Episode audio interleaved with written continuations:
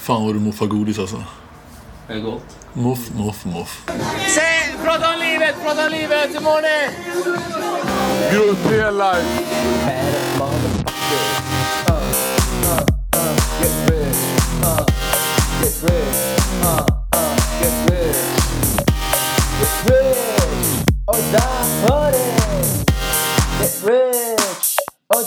Det! Pip, pip, pop, pip, på den! Hej och hjärtligt välkomna till ännu ett avsnitt utav Get Rich or Die-podden från Palestina. Det heliga landet. Och allt vad ni nu kan kalla det. Ehm, vi har idag, idag är den 18 mars. Vi har idag varit här i tre veckor. Vi har exakt en vecka kvar. Eller ja, om exakt en vecka kommer vi vara i, eh, i Sverige om en timme. Ungefär. Oj. Ehm, eller ja, ja, vi kommer landa om en timme om en vecka. Skitsamma. Uh, som vanligt härifrån när vi sänder så är det då, eller sänder och sänder, spelar in. Så är det jag, Karl, Jabadabadoo. och så är det min andra hälft här nere. Uh, grabben som blev frälst i veckan, Gustav Smeten Backlund. Halleluja. Hur är läget? Det är bra. Eh, jo, det är bra. Stämmer ryktet att, att du har blivit frälst? Nej, det är inget rykte ens va? Jag startade precis men du slog ju ner det med en flugsmälla som, som rykten så går de aldrig att döda om, det, om de är riktigt bra. Okej, om du säger att Vem vet om Hitler fortfarande lever liksom? Inte lever men... eh, Det hade varit helt sjukt att han, att han skulle leva, oavsett om han dog där under andra världskriget, så var det helt sjukt om han fortfarande levde. Han borde vara, jag vet inte hur gammal han var där, men han borde vara löjligt gammal nu i så fall. Mm. Han kanske är någon, någon slags jedi. Jedi Hitler. Vad har han för färg på sitt lasersvärd? Brunt såklart. Brunt ja. Ja, ja. Eh, du mår bra, vad härligt. Eh, Hur mår du Karl? jag mår också bra. Mm. Är du frälst? Tyvärr. Tyvärr. Jag har varken blivit rökare eller frälst än på den här resan. Jag är lite besviken på mig själv. Men det kanske är för det bästa. Ja. Jag tror det. Idag är det alltså fredag. Som vi hintade lite om förut. Vi ville inte säga vilken dag det var, det kändes ju ovärdigt. Men det är fredag. Det är 12 dagar sedan vi spelade in senast. Mm. Vad har hänt sen sist? Vad har hänt sen sist? Vi har varit i eh, den heligaste staden i hela landet. Mm. Jerusalem. Jerusalem ja. Vad har hänt mer? Vi har upplevt eh, nattligt besök, Gånger två. gånger två. Mer om det senare. Och vi har eh, vandrat vid något speciellt som eh, kan kallas muren. Precis. Och vi har även varit tillbaka i Hebron på ett väldigt, väldigt eh, annorlunda besök. Eller annorlunda på det sättet om vi trodde att alltid skulle vara som efter vårt första besök där. Om man nu kan säga så. Det var ju väldigt eh, starkt. Det var ju väldigt starkt intryck. Eh, säkerhetspolitiskt, om man nu kan säga det så. Och eh, övervakningsmässigt så var det väldigt speciellt. Den här gången var det lite, lite roligare. Mm, Vi ja. kanske skulle börja i den ändan. Det är kanske är där vi börjar. Ska vi, börja, ska vi börja roligt, avsluta också roligt, men eh, dippandes på vägen? Jag vet inte. Det får Nej. bli vad det blir. Precis. Ja, ska vi köra igång? Vi tar väl och börjar där i Hebron. Det började med att vi var på eh, besök hos en organisation som heter, eh, ska vi säga vad den heter? Right to play. Right to Play. Uh, jättes, jätteinspirerande och jättespännande möte. Eh, Det är ju en organisation som finns inte bara här i Palestina utan eh, på flera olika platser över hela världen. Precis. Från Kanada för ursprungligen tror jag. Och jag tror att de startades efter, jag tror det är Norman som är grundare till det. Men det var väl, ja De skitsamma. har, de har, tror att de har sina kontor i Kanada men det är Norman som startade efter OS i Lillehammer 94. Mhm. Ehm, så är det. Och eh, det var väldigt, det var väldigt spännande. Vi, vi, vi satt och pratade med dem där och eh, lärde oss väldigt mycket om hur man som organisation här i, i Palestina, Betlehem i synnerhet då, jobbar för att, vad ska man säga, få alla inkluderade i samhället. Mm. Trots eh, eh, Eh, funktionsvariationer av olika slag eller eh, vad som Alltså, jag, jag eh, ville säga att eh, organisationen i norm- mångt och mycket var väldigt normbrytande i det att de inkluderade alla, verkligen alla i sin verksamhet på ett sätt som eh, ja, förmodligen känns, som kändes ganska nytt just, just, eller som kändes ganska unikt för organisationen på många sätt. Vilket var härligt att se. Framförallt så, intrycket jag fick var att det är så här. De gör ett arbete här som... Eh, jag har ingen aning om hur många fler organisationer som gör det, den sortens arbete, men de gör ett arbete där liksom de försöker bryta strukturerna i, i, som kan finnas i sådana här samhällen som är styrda av eh, religion i ganska så stor utsträckning. Ett ganska patriarkalt samhälle. Eh, och just eh, ett samhälle som lever i förtryck eller under ockupation. Mm. ockupation. Och då är det även viktigt att, ja men att, kanske inte att glömma ockupationen men i alla fall att glömma den för ett tag och syssla med grejer som är roliga. Och inte bara jobbiga.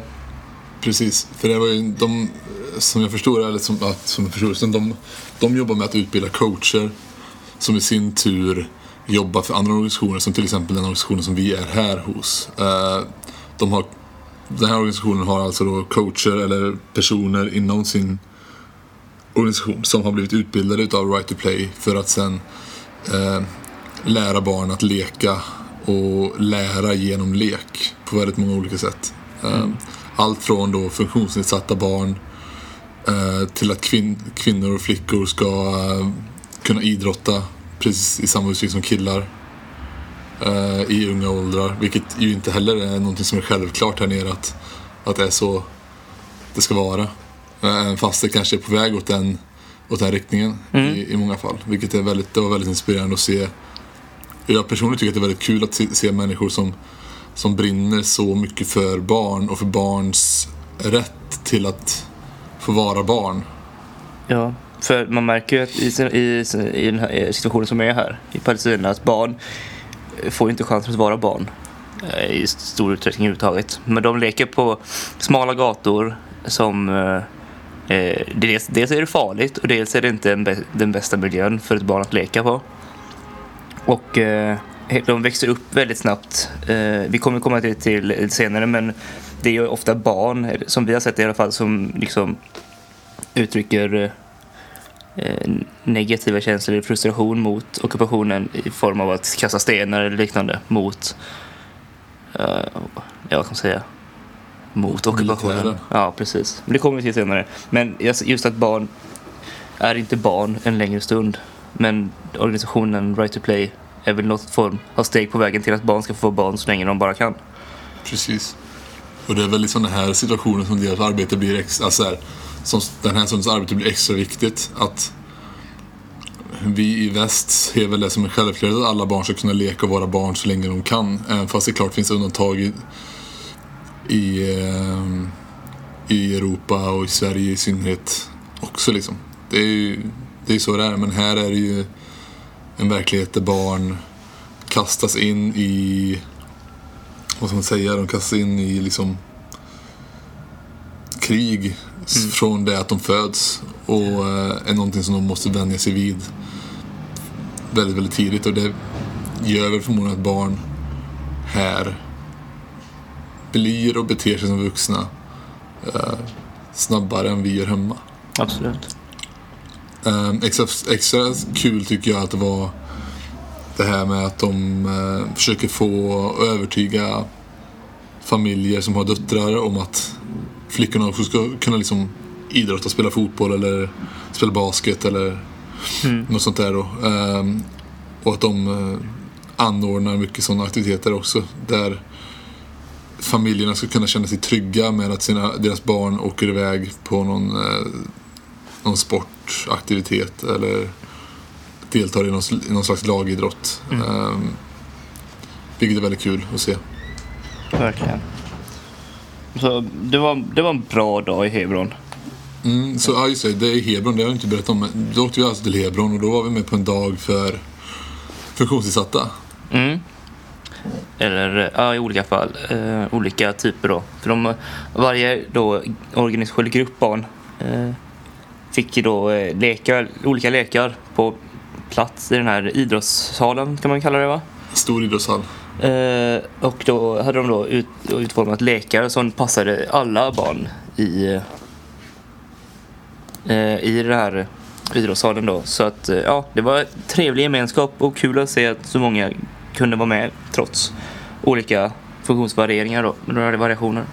Precis, och det som kanske också var ganska tydligt i det, i det sammanhanget var ju att Right to Play då som är en stor, eh, förhållandevis rik organisation i de här eh, sammanhangen. Man märkte ju liksom hur att de har, vad ska man säga, deras resurser märks ju då. Eftersom att de andra organisationerna då som kanske inte har alls i närheten av resurserna med material eller människor att, att hjälpa till på lekarna. De hade ju, deras lekar var ju något simplare.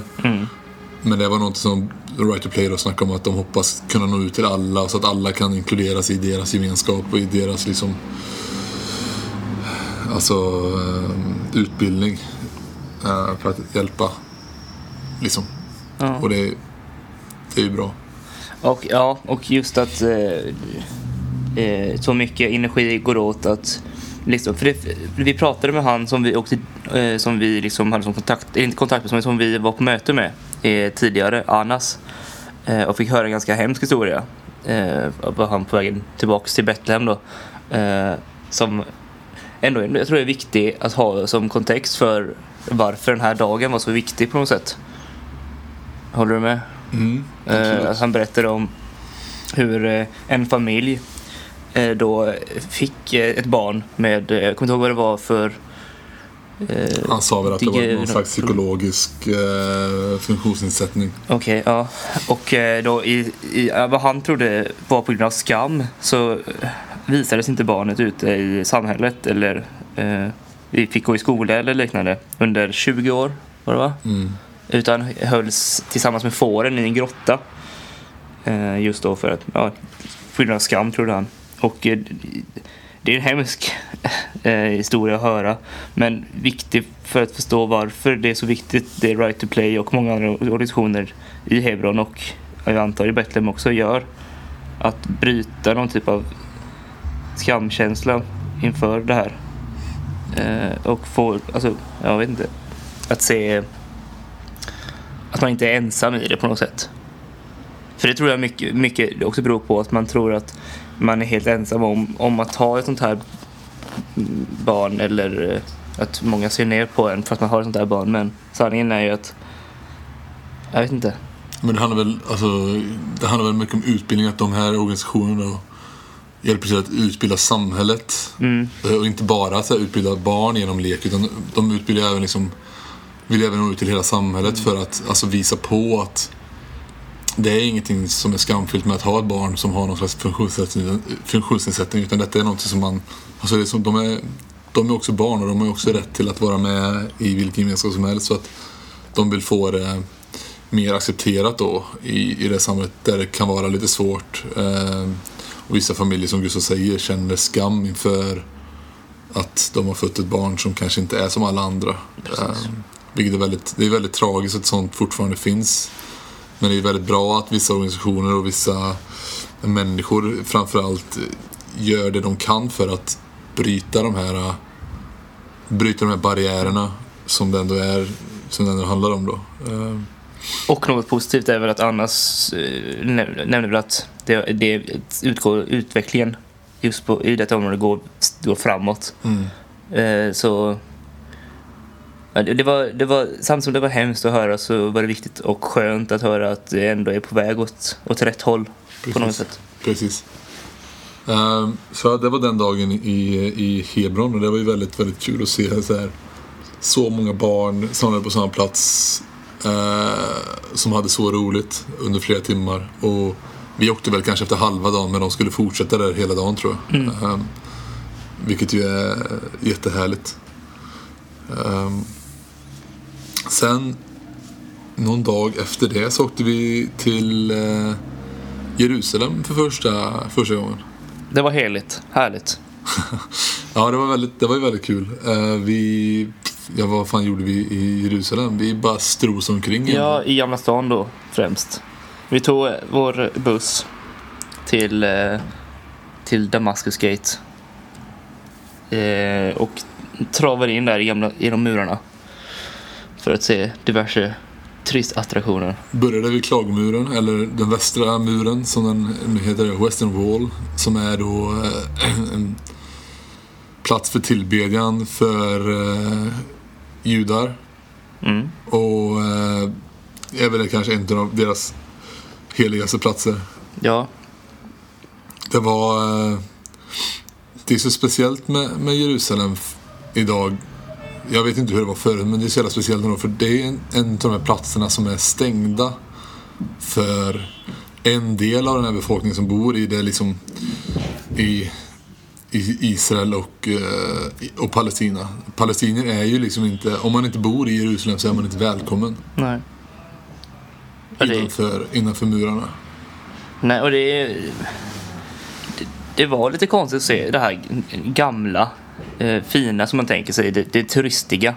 Med eh, basarer och så här, folk som vill sälja allt från lädersandaler till eh, Basar, vet du vad en basar är? För det ja, är en marknad. jag. En marknad? Ja. Okej.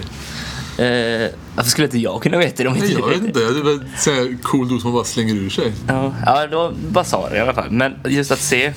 Alltså ena stunden så säljer de lädersandaler. I ena stunden så säljer de eh, såna här eh, bisarra T-shirtar. ja, t-shirtar med olika så här, ordlekar med ljud. Alltså you hade de använt olika. Typ stay calm, stay calm and be a Jew eller något sånt där. Ja, don't panic, be a Jew and eh, ja, alltså sådana här bisarra grejer. Och sen ena stunden så står det liksom tre stycken militärer med vapen och ska stor, alltså inte visitera men kolla så man inte har på sig något olagligt när man går ner till en attraktion eller liknande. Så det var också så här. Ja, framförallt när man skulle gå ner till västra muren. Där, var liksom, där man fick gå igenom en, en säkerhetskontroll. Mm. Och eh, vi lägga upp typ plånbok och mobil på bordet och visa så att man inte hade någonting annat i fickorna typ. Ehm, och ja, nere vid västra muren, det området och den ytan som var framför, det var väl det var ju turister och så var det judar som var där. Det var inget, inga andra som var välkomna på den ytan. Ehm, Man får inte ta bilder där och eh, muren. Det här det var, tänkte du på Karl? Skillnaden på muren. Ja, det var ju också så här tydliga skillnader på män och kvinnor. Där männens yta framför muren var dubbelt så stor som kvinnornas. Ja. Skulle jag upp, uppskatta det till. Ehm, Och då såg det ändå ut som att det var fler kvinnor som, till, som var där sen. Och, ja, det, kan- det kan ju bero på att det var en st- mindre yta, men det såg ut som att det var mer, eh, mer folk där. Ehm, och ja, det är så här, jag vet inte. För sen skulle vi gå vidare och gå till eh, eh, Dome of the Rock, eller Al-Aqsa-moskén som ligger där precis, alltså precis, precis bredvid eh, västra muren. Eh, tyvärr fick vi inte komma in på området för det var tydligen bara öppet mellan 8 och, och, och 11 för eh, ja, men folk som inte är muslimer och eh, går dit för att be. Ehm, men det är så här, och där stod det då liksom också militärer, israelisk militär och, och vaktare med tunga vapen och, och skottvästar. Um, för att se till att få, vem som helst inte får gå in där. Och det är en sån bisarr grej att det är så här, att det är så jäkla upp, uppdelat att man får liksom inte röra sig fritt. Det får jag anta liksom att, att judar inte heller får komma in på det området. Men det är ju så här. Det har gått så jävla långt allting här nere så att det är liksom, man måste stänga vissa platser för vissa människor. Och då Jerusalem, Gamla stan som en, en, en helig plats och en, en, en plats som har tillhört det palestinska territoriet hur långt tillbaka som helst egentligen. Liksom. Eh, och nu är den delen av folket inte längre välkomna dit. Men det är en speciell situation. Alltså också att eh, för folk som är religiösa och håller de här eh, ställena eller de här platserna eh, högt också för sin, eh, för sin tro. De är så nära på ett sätt men de får inte gå dit. Den här kupolen till exempel, Dome of the Rock. Den är ju för många antar jag väldigt viktig. En viktig plats att be. Men de har inte tillgång till den överhuvudtaget. Det är ju det är helt... Det är, ja. Ja, det är så konstigt. Och, alltså, Jerusalem som plats är ju en sån plats som det är alltså, så mycket så mycket så här religiösa, superreligiösa människor. Alltså så här, eh, Det är verkligen så religiöst som, man, som det kan bli i, Ja, jag- in, inom fyra murar. Ja, alltså det är så brutalt för det är så... Så det är de mest ortodoxa judarna. Eh, superkristna människor. Super, superkristna människor. Eh, och då är liksom även Al-Aqsa-moskén är ju då enligt Wikipedia eh, en av eh, de tre heligaste, ja, den tredje heligaste moskén inom islam efter eh, Kaaba och eh, efter en moské i Medina. Och det är så brutalt liksom att, att, att muslimer inte kan eh, ta sig dit och be. För att den här konflikten har tagit allting för långt för att de här ska vara välkomna liksom. Det är tragiskt. Och på samma, som vi nämnde tidigare på den här, så använder sig ju, judiska eh, settlements sig av samma retorik i, no, i någon mån. När de beskriver hur de inte har tillgång till staden Hebron som är en av deras ursprungsstäder menar de på då. Och eh, ja, så det är också intressant att se hur sa, samma retorik används från båda lägren. Samtidigt som Hebron då ändå ju är en stad där den, alltså bosättarna mer och mer tar över genom diverse metoder som eh, främst handlar om våld. Ehm, I alla fall tillbaka till Jerusalem och då gick vi efter att vi hade gått en liten sväng där så gick vi mot eh, the, the Church of the Holy Sepulchre. Och det är då platsen, eller en kyrka då, som är byggd på det man trodde, eller det många fortfarande tror, men det är liksom så här vetenskapen på något sätt väl. Ja, men det är så, en del frågar, jaha, är du eh, eh, s- s- dödskalle, klippande eller är du sepulture? Det är lite som eh, Gryffindor och Slytherin där. Ja, det kanske är. I alla fall, eh, då vi gick in i den här kyrkan och det var ju ett jäkla inne alltså. Ja, mycket folk. Mycket folk, folk bad, eh, låg på golvet. Smörjde olja på stenar. Tänkte säga så till dem att ni vet att stenar inte drar åt sig olja, men skit i det. Typ så. Och det var ett jäkla kaos in till den här då, eh, platsen där man då tror att han begravdes. Tro, jag tror att Han var är det. Jesus. Jesus då, han. Eh, Han med Han H. stort Stort H. H. Ehm, och det var så här, också så sjukt konstigt.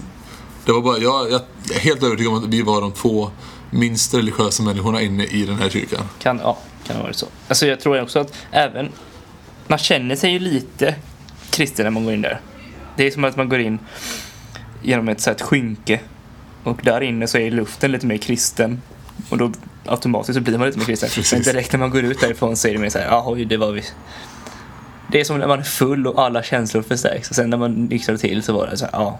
Vi blev fulla på Kristi kärlek kan man säga. Ungefär så. Ja. Det var ju massa munkar som sjöng psalmer och det var både det ena och det andra i det. Var häftigt. Det är kul att besöka sådana jäkla um, historiska och religiösa platser då. För att så här, försöka förstå alltså, känslan som de här människorna har när de är där inne. För det är ju typ för många kanske det heligaste som finns. Ja. Ja, det är väl det. Förutom himlen då. Antar det. Eller Gud kanske det hela som. Ja. Jag vet inte. Ja, skitsamma. Eh, I alla fall så var vi, vi var tillbaka i Jerusalem nu för tre dagar sedan. Japp. Eh, och då gick vi till den här andra platsen då, som man idag tror att Bevisen är starkare. bevisen är lite starkare. Jesus då, där han då korsfästes, alltså på Golgata och även där han sedermera begravdes och återuppstod. Mm. Har ni hört på något liknande? Nej, i alla fall. Vi, vi eh, gick in där. Vi träffade någon, en, en danska i entrén till det stället. Det var gratis att gå in då. Det var ju härligt. Hon har runda glasögon på sig. Så jävla typiskt för någon eh, som skulle sitta i den kassan. Precis. Och vi fick, eh, vi tog sån där goa, en sån här god typ freestyle. Det var verkligen en freestyle. Och såna här goa gamla hörlurar. Så gick vi omkring och hade en så här guidad tur i lurarna eh, på det här området. Och det var väldigt, väldigt kul. Man fick en guidad tur genom historien typ och eh, ja, hela, hela det köret där från det att han Hela köret. korsfästes till att han återuppstod. Ja. Det var kul. Och än en gång så tror jag, ja, fan den här gången kanske inte var de minst kristna. Vi kanske var lite Alltså, kristna det i var ganska andra. mycket så amerikanska turister. Och om jag ska ranka mina sämsta turister så är ju ryssarna och amerikanerna där. De bråkar om etta platsen där alltså. Buffliga jävlar. Ja, ryssar är ju riktigt buffliga Men jag framförallt. tycker amerikaner är buffliga också. Och typ eh, med risk för att generalisera så... Vadå då? Ja men typ... men, eh, så här östasiater. Typ så från Taiwan och sånt. De har ju mycket kameror. Jag har fått erfara tidigare på tidigare resor jag gjort. Och samma sak här. De har ju, alla har den nyaste, senaste stora kameran liksom och tar massa, massa bilder överallt. Och sen så det roliga är när, när eh, turister i allmänhet tar bild på någonting. Då ställer de ju sina familjemedlemmar framför det viktiga i bilden. Ja, det var en familj som stod framför oss i den här grav, gravkammaren då. Som, ja, där stod de tre stycken på rad framför dörren. framför dörröppningen till den här eh, gravkammaren. Och det var, så här, jag vet inte, det kanske var det som var meningen. De kanske inte ville visa alltså, graven i sig. Men där stod de i alla fall i vägen. Va, Okej, nu står- vad skriver man på den Facebook-bilden? Här är vi framför, en, framför Jesu grav som de skriver så här. Det tror jag inte på. Har ni bevis? Ja, be, nej just det. Fan, vi står ju framför. Precis. I alla fall, Jerusalem är en jävligt häftig stad som eh, vi tycker att man, om man har chansen, borde uppleva. Ja. Och på om uppleva saker.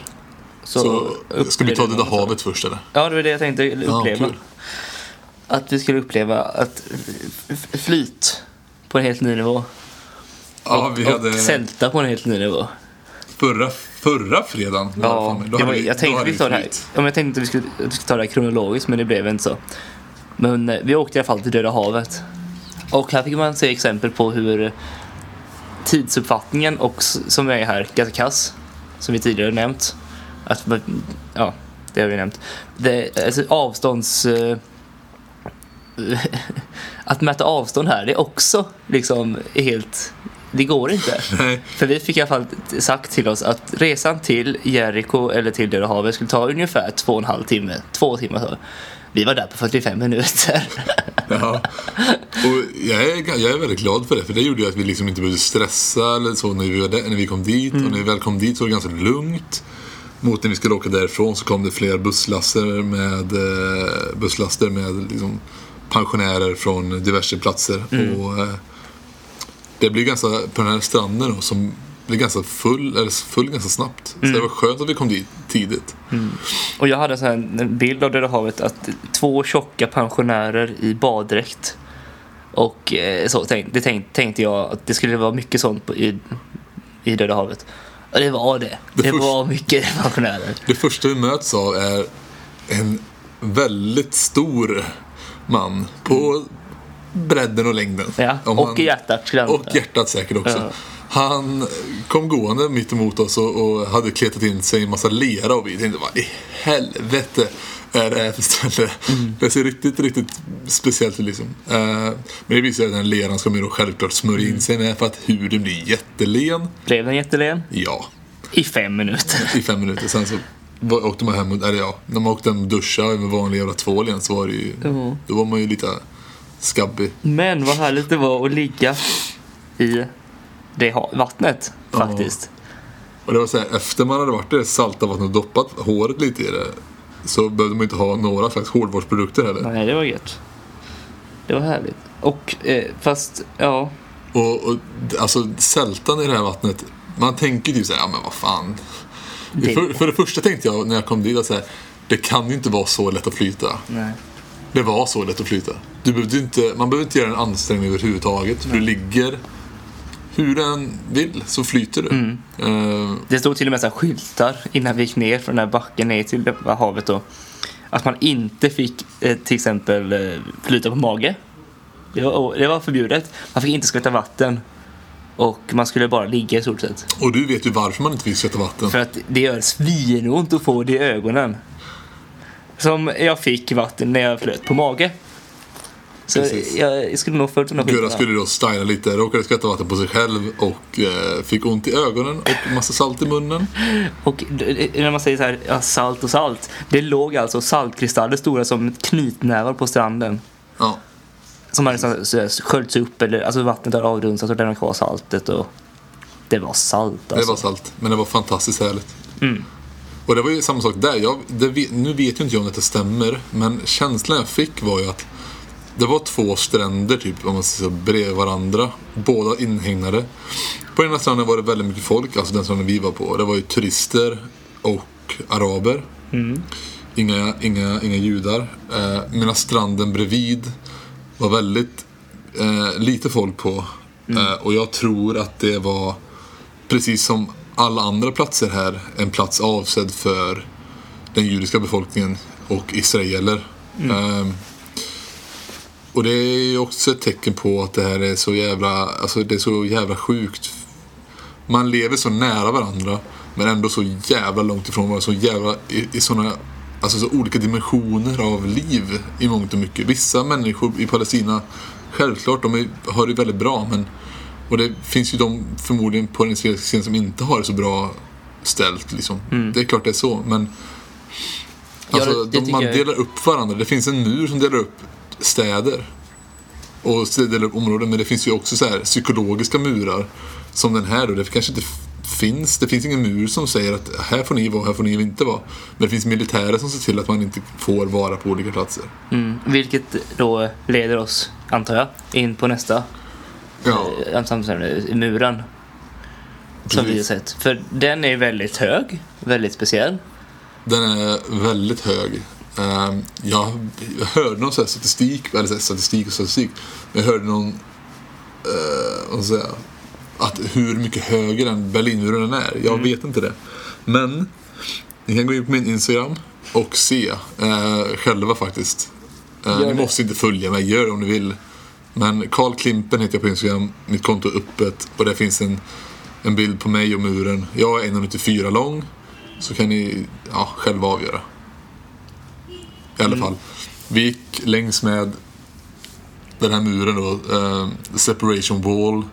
The apartheid wall. Ganska många namn här. Wall Street, Ja, precis. Apartheid Road. Apartheid Avenue till och med tror jag. Okej, ja, det var lite coolare. Ehm, och eh, längs med den här muren, den är ju lång liksom. Och det är inte så här, det är inte så att den bara går på ett ställe och den delar upp på olika, ett ställe. Utan den är liksom byggd på många, många olika platser. Eh, och delar upp väldigt många olika områden. Allt för att, ja, jag vet inte, eh, skydda. Inom ja, det, citationstecken. det är det jag Eh, tänker också, att, eh, som vi pratade om tidigare, alltså psykologiska murar som byggs. För jag tänker att... Eh, fan, vad vill man säga? Jo, att eh, alltså israeliska eh, bosättare som bor på andra sidan muren då. Man kan, jag, jag, jag har ju ingen aning om hur de resonerar och tänker över att de bor eh, bakom de här murarna. Men eh, vad vi har hört om andra volontärer här som eh, har varit i, eh, i Tel Aviv eller i Israel och pratat med dem så upplever de att de också, precis som palestinier då, uträttar eller för någon typ av fri, frihetskamp mot ett förtryck. Men jag undrar också, för alla kan ju inte tänka så. Nej. Precis som att alla palestinier inte känner förtryck så tänker ju inte alla israeler likadant. Förmodligen inte. Jag, jag, jag, jag har ingen aning om hur det är för människor som hamnar i mitten på något sätt. På båda sidor i den här eh, konflikten på något sätt. Hur, hur, hur fan ställer man sig till allting? Men det som jag tycker ändå är så här mest anmärkningsvärt om man ska snacka muren är ju liksom att den det är inte bara det är inte bara att den delar upp alltså här vad ska man säga Israel och Palestina utan den här, kan ju även stänga inne palestinier i en stad och inte alltså den här delen av befolkningen kan då inte röra sig till andra delar av det palestinska territoriet utan bara vara kvar. Och det är helt av... Det avgörs helt och hållet av den israeliska statsmakten och den israeliska militären Precis. i det här läget. Och man går längs med muren, liksom, man ser massa graffiti. Eh, Banksy har varit här och målat, eh, till exempel. Och, det, och sen så är, så- men det som satte alltså, störst intryck på mig när det kommer till den här muren, det är ju då de här väldigt många olika budskapen som är längs med längs med muren för, som är liksom uppklistrade, eller vad man säger. Mm. Ehm, till exempel en, en är så här. Ehm, Den heter Furious Settler.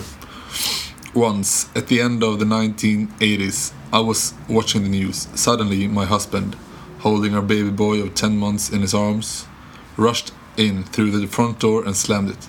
A rifle crashed through the fr- front door window and shattered the glass. I jumped over the glass and opened the door. A furious settler stood before me and shouted that my son had thrown a stone at his car window. I told him that my son could not have done it.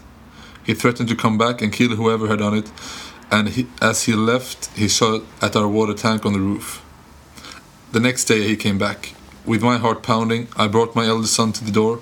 I knew he was innocent. After looking at him, the settler left. Från Jala in Beit Sahur.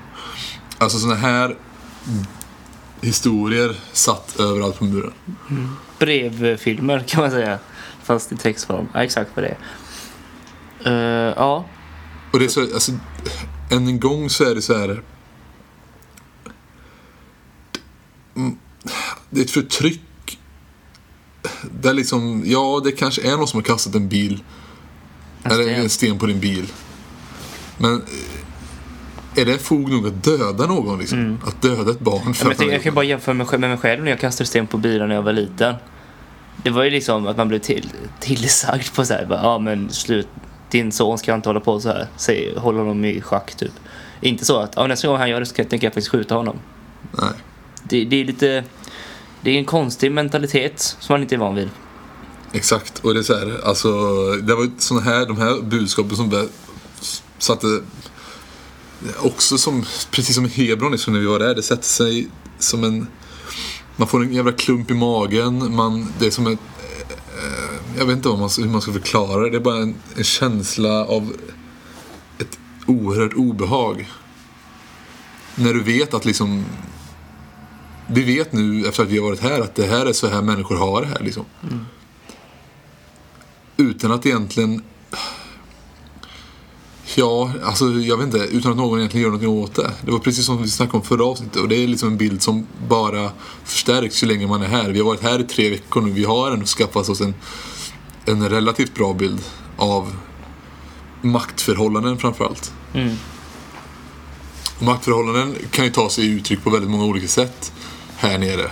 Eh, I synnerhet, skulle jag säga. Eh, ett av dem är muren. Där den ena staten sätter upp en mur. Eh, ett annat sätt är liksom attacker på nätterna. Just det. Vilket har skett, vi har varit här nu i tre veckor, det har skett två gånger. Japp. De här olika attackerna då ehm, De sker ju precis, eh, vi bor ju utanför lägret, precis vid ingången. Och attackerna sker in från gatan, in mot lägret. Eh, och in i lägret då. Och då är det uppskattningsvis 500 till 1000 militärer som, som kommer hit. Ehm, För att arrestera människor in i lägret. Och senast så var det väl att de arresterade två stycken, tror jag. ja, de har sett två, sen- två senaste gånger tror jag. Ja, så att det är ju, ja. Och det är bara så här, det är inte bara för att arrestera, det är bara för att visa på att man har makt. Mm. Ja, men jag tänker kan. så här. Hur många israeler krävs det att arrestera en palestinier? Inte 5 till 500 till 1000 stycken va? Alltså egentligen. Eller så är det det som... Ja, men jag tänker att, att de här 500 till 1000 det, det är för att visa, just som du säger, en makt. Att man har makt över en annan och man kan göra lite vad fan man vill. Mm. Det tror jag väl att de här själva arresteringarna i sig är ett uttryck Ja, för. absolut. Alltså, och sen är det ju... Det som slår mig mest är ju liksom att det, det handlar ju inte om... Det handlar ju inte om två länder eller två nationer som, som krigar mot varandra utan det är en nation, Israel, en stat, Israel, som krigar mot ja, människor liksom. Alltså så här... eh, Det är vapen mot stenar. Det är bomber mot stenar. Och det är militärer mot civila. Jo, för att när man Visserligen pratar... civila som är motstånd, men det är klart man gör motstånd om det är någon som kommer och liksom förstör, bara klampar in, slår in en dörr och förstör allting som finns innanför, innanför de här dörrarna liksom. Mm, För många har ju inte, många palestinier har ju inte förtroende för sin eh, regering heller.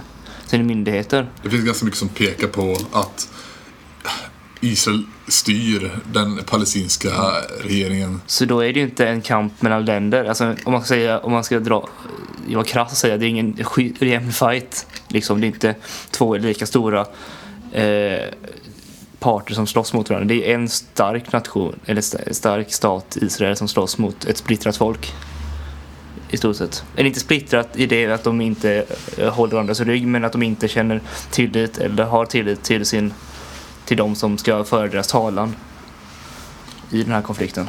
Ja, nej precis. De är inte, alltså, jag skulle inte säga att palestinierna i sig är splittrade Nej, för alla nej. slåss för samma sak. För, för frihet och rätten till att återvända till sina hem. Absolut, men att de är splittrade jag menar att de inte har stöd. Eller inte känner stöd av de som ska. För, alltså, De har ingen säkerhet från sin, från sin egen Nej. regering. för de poliser som finns, som vi har sett här, är i stort sett bara trafikpoliser. Ja, Vi har bara sett poliser i, som trafikpoliser. det finns väl kanske olika anledningar till det också men Att det, de kör som garningar här. det är väl det liksom att, att det händer ingenting. Det blir, blir ingen liksom om nu Israel kommer in i flyktingläger då, Ehm, som där vi bor vid.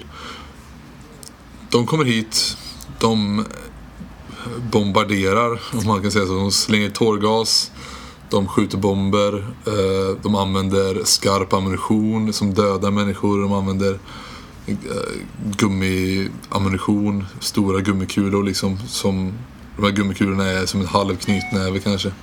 Ehm, och det är så här, ja, det är som, det är ett maktutövande överallt hela tiden.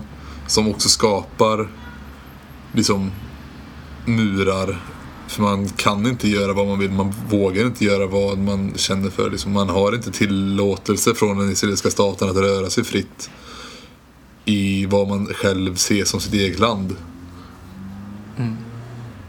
Eh, och jag som sagt, vi eh, var ju med om sån här attack för andra gången i söndags. Eh, vi eh, spelade in en liten, Första gången så gick vi inte upp på taket och kollade hur det såg ut, men andra gången så gjorde vi det. precis. För Och- att se exakt hur, inte exakt hur det går till, men få ett hum om hur det ser ut i alla fall. Och eh, ja, det, det var ju speciellt. Precis, och vi kommer klippa in en liten snutt här nu, eller inte snutt, är ett par minuter, av hur det kan låta, eller hur det låter när den israeliska militären an, an, an, anfaller och attackerar. Mm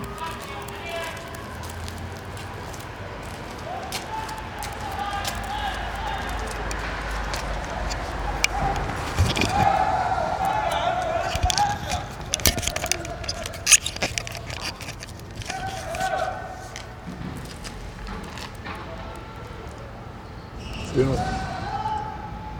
Ja. Ser du något?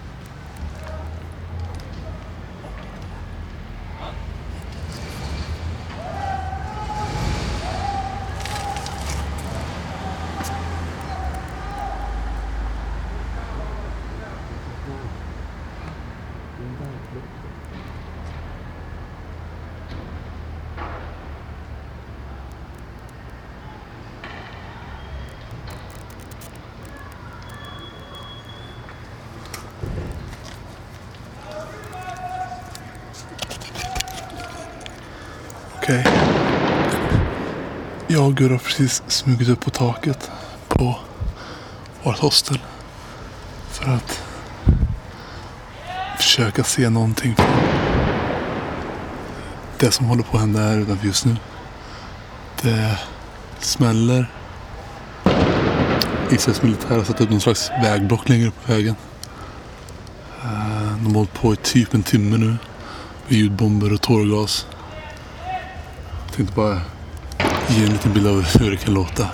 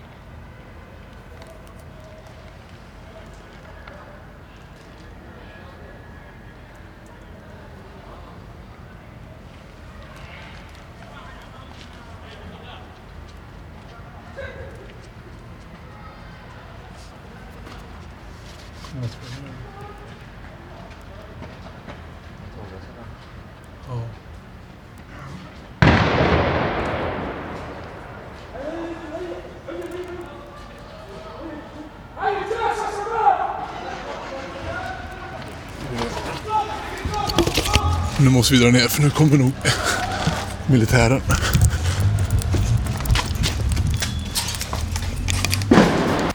Ja, så, så kan det låta då. Ehm, och ehm, ja, som ni hör så är det ju bomber och det smäller.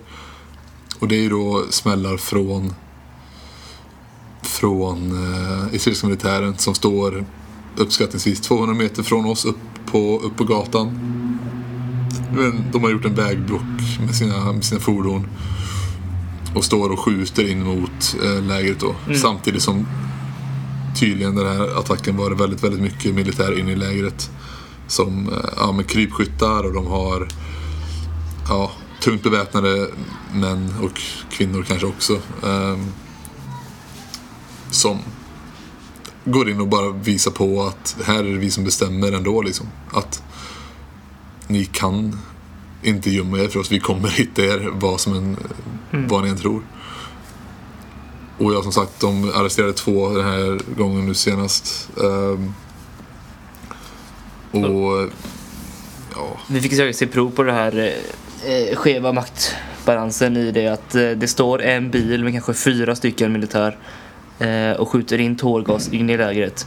Så fort de hoppar in i bilen för att åka vidare till nästa läger och göra arresteringar där så kommer det liksom en hel, eh, hel 20-30 killar liksom. springandes med stenar och kastar emot bilen. Som då inte, de här stenarna gör ju liksom ingenting för att på något sätt skada någon. Då ser man ju vilka, det är verkligen gevär mot stenar. Mm. Och det är sjukt att se. Det är faktiskt sjukt att se. Och det är så här, vi tycker att det är väldigt viktigt att sådana här saker också inte bara stannar här utan att alla andra också tar, tar, del av det. För det är ju lätt för eh, Israel, Israel att legitimera att eh, eh, två arresteringar görs.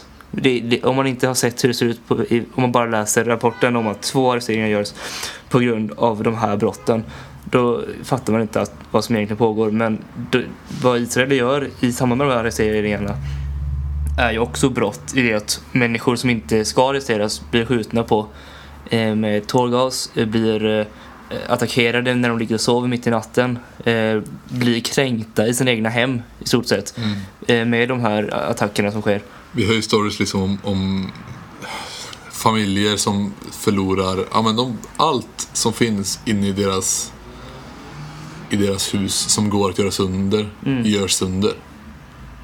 Dörren börjar med att slås in. Det De knackas in. inte snällt liksom, det är ju murbräckan direkt. Ja. Och det är så här. eh, Det här är då mot, mot människor som fan inte har någonting egentligen med någonting att Nej, göra. människor som driver en minimarket på, den stora vägen nedanför. Som, eh, som eh, inte har... Ja men försvinner det här från och försvinner allt i stort Ja, eller, eller i alla fall så är det, de har ju absolut ingenting med de här, de, det är inte nödvändigt att de har någonting med de här som blir arresterade att göra. Liksom.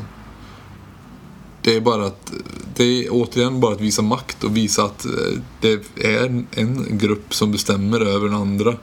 Även fast de inte ser varandra som jämlikar. Och de ser, lite- nej, det är det, liksom, de ser inte varandra som jämlikar. Och det är bara så... Eh, det är också frustrerande att bara så här, titta på hur, hur det tillåts fortgå. Liksom. Ehm, jag vet inte, det är bara... Det är bara väldigt, väldigt frustrerande. Jag hoppas att alla ni hemma som lyssnar på detta, som, som känner någonting när ni hör detta, liksom. Någon slags reaktion. Sprid det i så fall. Sprid det här avsnittet och förra avsnittet om ni nu tycker att det är bra. För att det är ändå viktigt att folk får reda på vad som sker. Det är viktigt att folk hör en bild som inte är medias bild. Det här är bara det här är våra in, helt och hållet individuella och personliga bild av det. Men vi måste ju också liksom säga det att vi visste ingenting om den här situationen innan vi kom hit, mer eller mindre. Det här är bara first hand eh, information tänkte jag säga, men det är det inte heller. Men vi, vi upplever det på ett helt annat sätt än vad man någonsin kunnat skriva om i någon artikel. Eller som har skrivits om i någon artikel någonsin. Och eh, ja, Och det är det att det är så här, som vi sa tidigare, det är en mur. Det finns en mur och det finns en mur som eh, delar samhällen. Delar folk.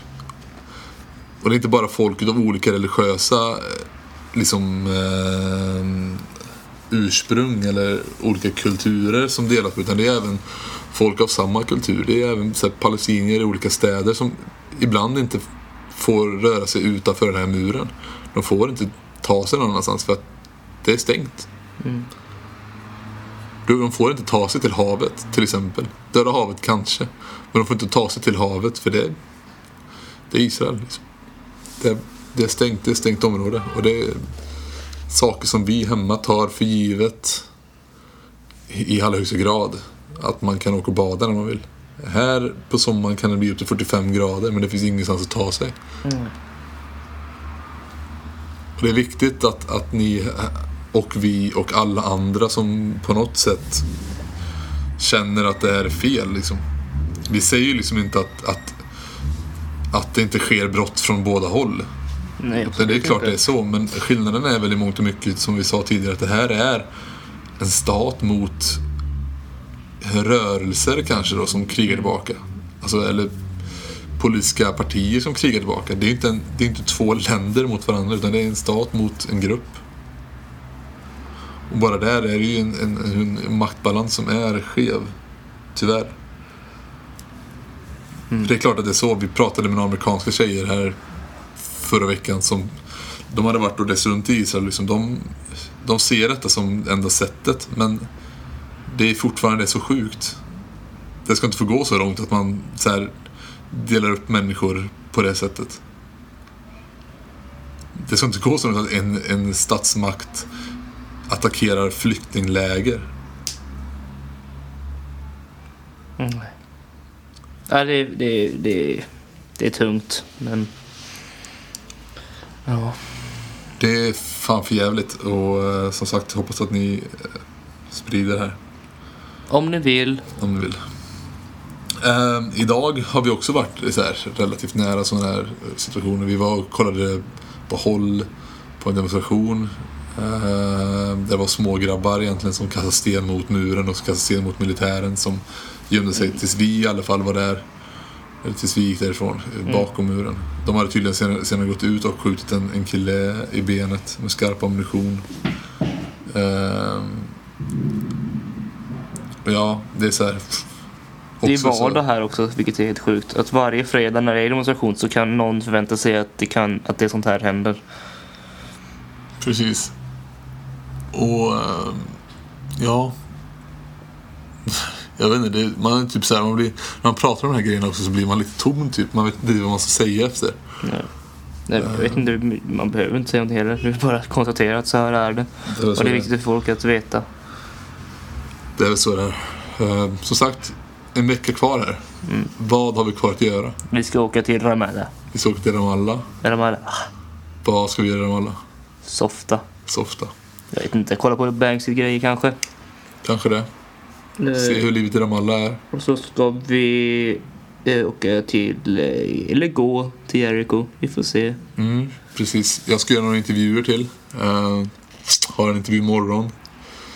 Uh, och så ska vi åka till, förhoppningsvis åka till eh, ett ställe som heter Nablus. Mm. Som ska vara väldigt vackert. Och i Nablus, eller utanför Nablus, så finns även då vad man tror, eller vad de säger, de här människorna, är, är samariterna. Det är samariterna och de ska tydligen vara släkt allihopa med samariten från, från Bibeln. Så det är ju såhär riktig incest alltså. Ja, det Eh, måste det ju vara ju. Tydligen så ser alla, alla likadana ut. Eh, och man kan köpa den godaste tahinan eh, där. Så dit, dit ska vi förhoppningsvis åka nästa vecka. Det blir nog bra. Det blir nog jättebra. Ehm, Tills dess. tack så eh, väldigt Ja, nu mycket. kommer det förmodligen inga fler avsnitt från Palestina. Nej, kanske Så- kommer det när vi har kommit hem. Ja, vi får se. Vi får se. Nästa avsnitt blir i alla fall med allihopa igen. När vi har eh, genomgått vår, vår mentala dusch som eh, jag tror det var Albin skrev. Ja, Vi kallar det det. Ja. Vi får se. Shoutout till dem hemma i alla fall. Puss och kram. Uh, och dela gärna avsnitten. Om ni vill. Ja. Kram, hej. Hej. Get rich or die for it.